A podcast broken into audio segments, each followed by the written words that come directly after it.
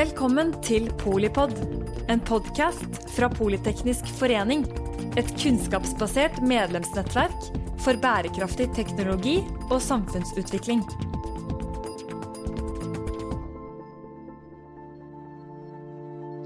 Velkommen til uh, Polipod med Terje Strøm, sjeføkonom i Ny Analyse.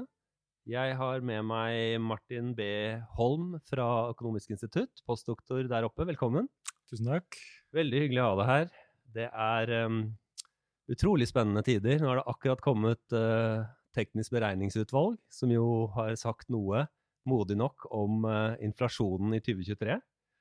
Et punktanslag på 4,8% har jeg fått med meg mot 5,8 i 2022.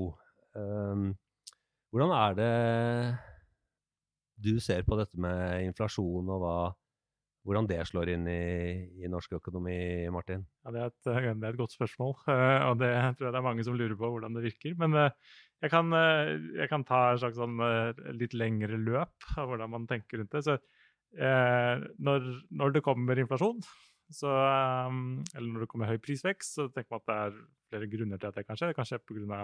høy etterspørsel i Norge, eller det kan skje pga. andre forhold i utlandet. Og, og, det som virker kanskje tydeligere og tydeligere, er at uh, inflasjonen vi ser i dag, er i stor grad drevet av utlandet. Uh, og det hadde jo sist uke her, uh, hvor det ble diskutert hvor man gjorde en dekomponering i nasjonalbudsjettet. Nasjonalregnskapet, unnskyld. så og når det da kommer utenfra, så er det et spørsmål hvordan du skal håndtere det. Og da, da, da er det én ting man, en man er uenig i, er måte, i hvilken grad dette fører til eh, Eller hvordan husholdningen reagerer på høyere prisvekst. Eh, så rent mekanisk så fører, fører jo høyere prisvekst til at eh, kjøpekraften til husholdningen blir mindre. Så dine penger strekker ikke til mm. så mye som de gjorde før.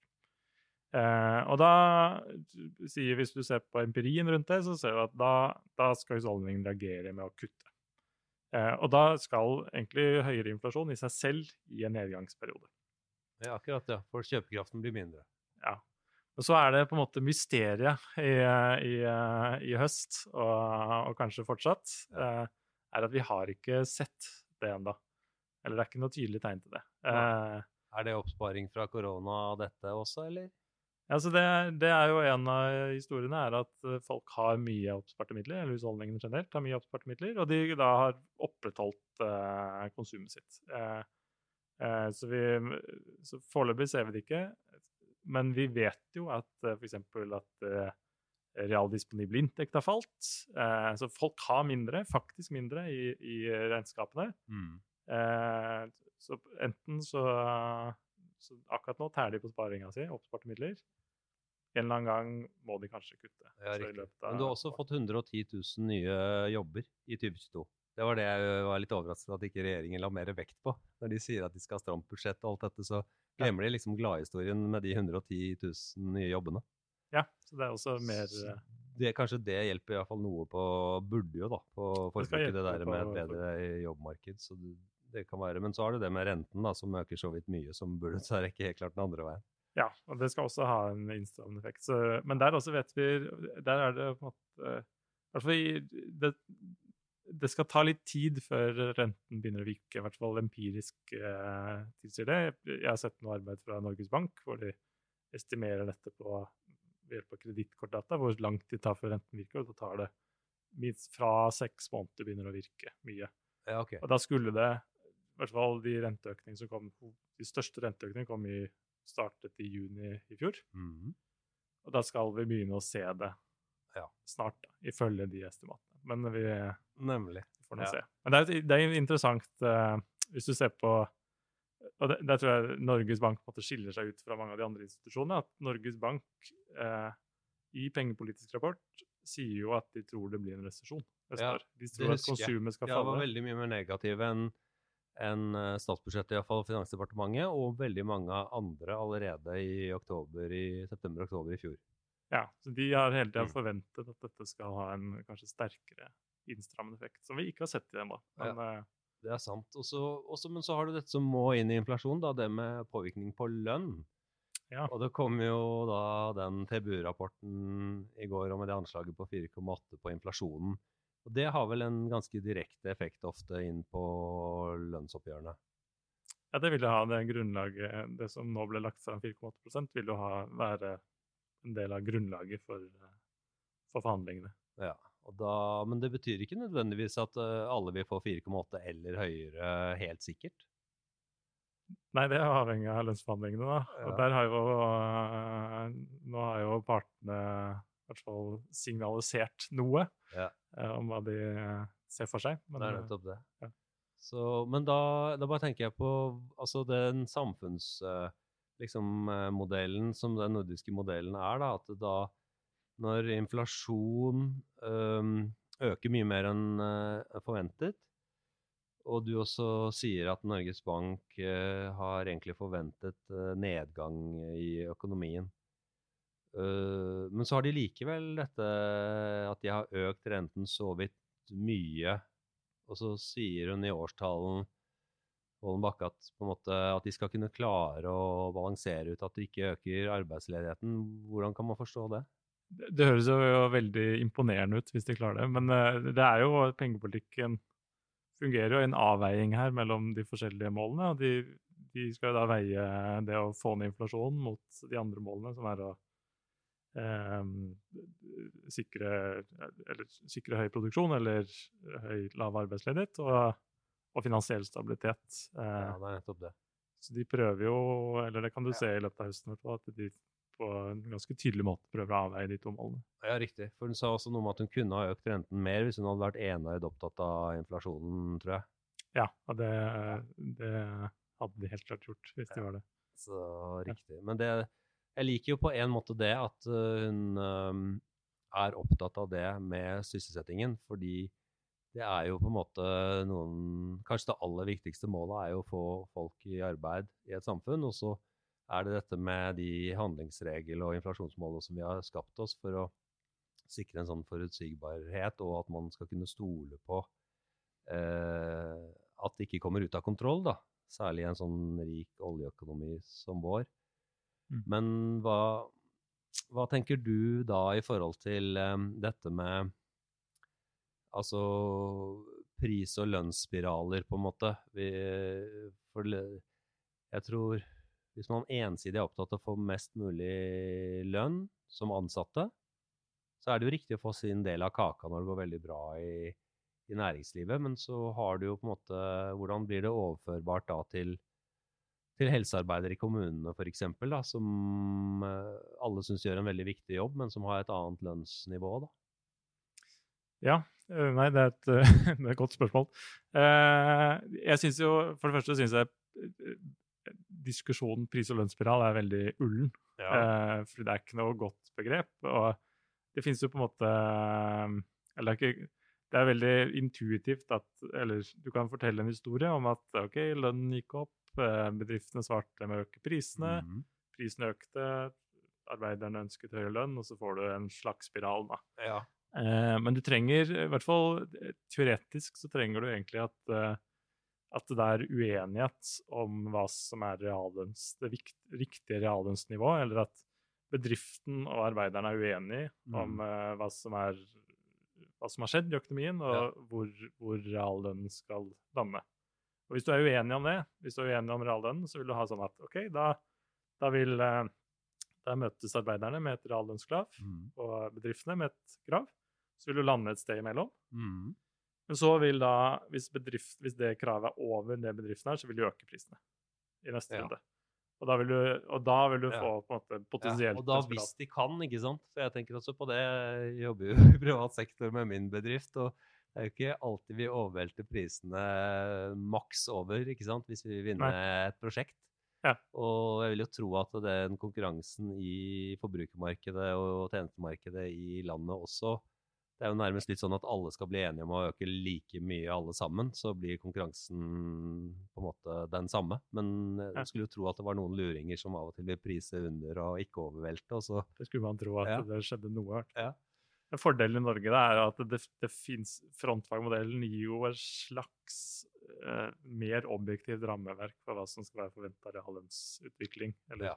du forhandler på en måte nærmere mot hva som er produktiviteten. Ja. i- Og i næringer. Det er også det. Det er ikke alles kamp mot, alle, ikke sant. Det Ja. er det fordelen med den nordiske samfunnsmodellen der, at uh, frontfaget er dette med at eh, industrien eh, i forhold til deres mulighet til å konkurranse på, på verdensmarkedet med andre land sine bedrifter, så er det hva de kan takle som Mm. går først, ikke sant, når NHO og Ja. LO starter. ja.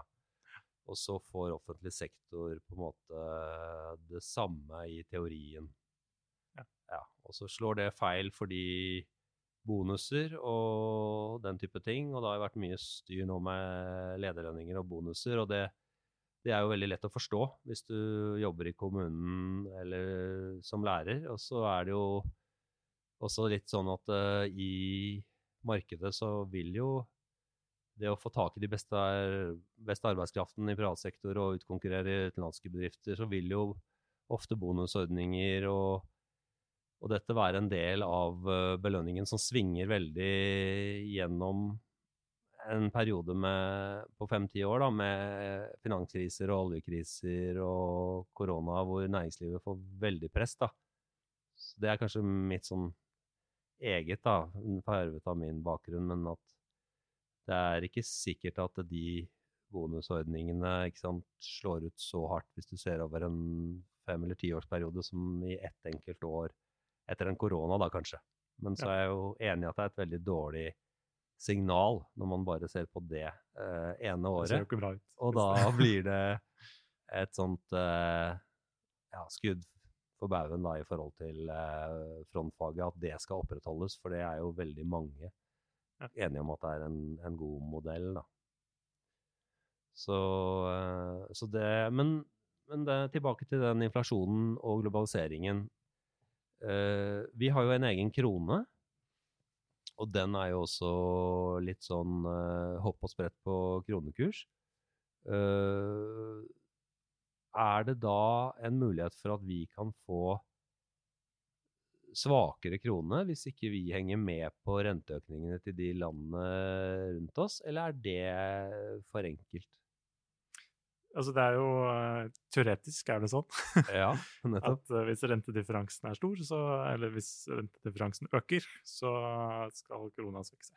Altså hvis vår rente er lavere enn utenlandsrentene. nettopp.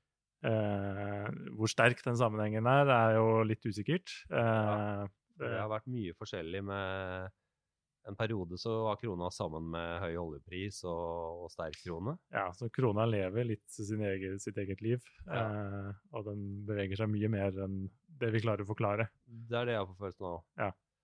Helt det er mange klart. som sier at altså, valutakurser er veldig nærme såkalte random walks, altså at de, at de hopper, Ja. og vi klarer ikke å forklare det, og de, de hopper og blir der i Ja. forventning, da. Fordi den kronen nå tenker jo jeg litt at eh, eksportnæringene skal være veldig fornøyd med at vi har så svak krone når vi har så høye inntekter fra olje- og gassektoren spesielt, og så har vi jo en god del andre sjømat og aluminium og en del andre næringer i bakhånd som kanskje disse valutagjengene i utlandet ikke helt vet om. Men Ja. det, for, for det er jo en fordel, men da blir det jo med så vidt svak krone, så er det akkurat som at du kunne tenke deg at eh, lønnsoppgjørene blir litt mindre viktig? At det er kronekursen som bestemmer mest på konkurranseevne, eller blir det å bare være litt uansvarlig der? Så jeg er ikke helt sikker på uh, Nei, jeg ja. bare tenker litt på Ja. det at hvis du får veldig svak krone over en femårsperiode, Ja. så er det plutselig ikke så viktig hva industriarbeiderne tjener helt isolert sett. Da. Ja, for da er det lønnsomheten høy i næringen. Ja, på et vis. Det der med felles valuta på lønnsveksten som TBU legger fram. Da. Hvor, Ja. ja. Ja. Hvor spretten kommer mer fra valutakursen enn fra, fra faktisk Ja. lønnsforskjellen til utlandet. Ja, det er sant. Ja. Uh, ja. Så, men det er mulig det bare er det de er vant til. Altså, for jeg husker jo i, ja, for ja, nesten 20 år siden så var det jo en rentedifferanse på 2,5-3 tror jeg. Og en eurokurs på 7,30 eh, kroner for euroen. Så da var den sterk. Ja. Og da var det litt sånn motsatt problem, da. Ja, Eh, at du hadde veldig sterk krone, og da ble konkurranseevnen svak, ikke sant. Ja. Så, mens nå har du litt sånn drahjelp av, av kronekursen. Ja.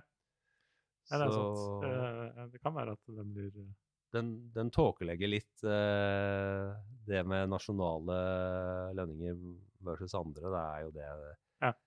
eh, poenget. Og så avhenger det jo litt om, de, om du selger varene dine i, i euro eller dollar, eller norske kroner f.eks. Ja. Hvordan du gjør det. Eh, men hvis vi, vi nærmer oss jo litt av avslutning her, og jeg bare tenker på um, Det har jo vært uh, uhorvelig mye action i tolvte etasje på Blindern og der hvor jeg har gått for lenge, lenge siden, og hvor du jobber. Hvordan, eh, hvordan er stemningen nå? Er, er alle blitt venner igjen? Ja, nei, eh, alle er venner igjen. Så nei da, vi, vi, eh, vi prater sammen alle sammen. Og vi diskuterer økonomi, og det, det er uh, omtrent som før. Ja, men Så bra. Det var veldig godt å høre. Ja. Takk for at du kom og delte tanker med oss, eh, Martin B. Holm. Du har nå hørt eh, Polipod med Terje Strøm, en kort podkast tilpasset tidsklemma og gledere i farta. Vi snakker om statsbudsjett, skatt, renter og bolig. Takk for at du lyttet til Polipod fra Politeknisk forening. Få med deg flere episoder, eller bli med på nettverksmøtene som du finner på at polyteknisk.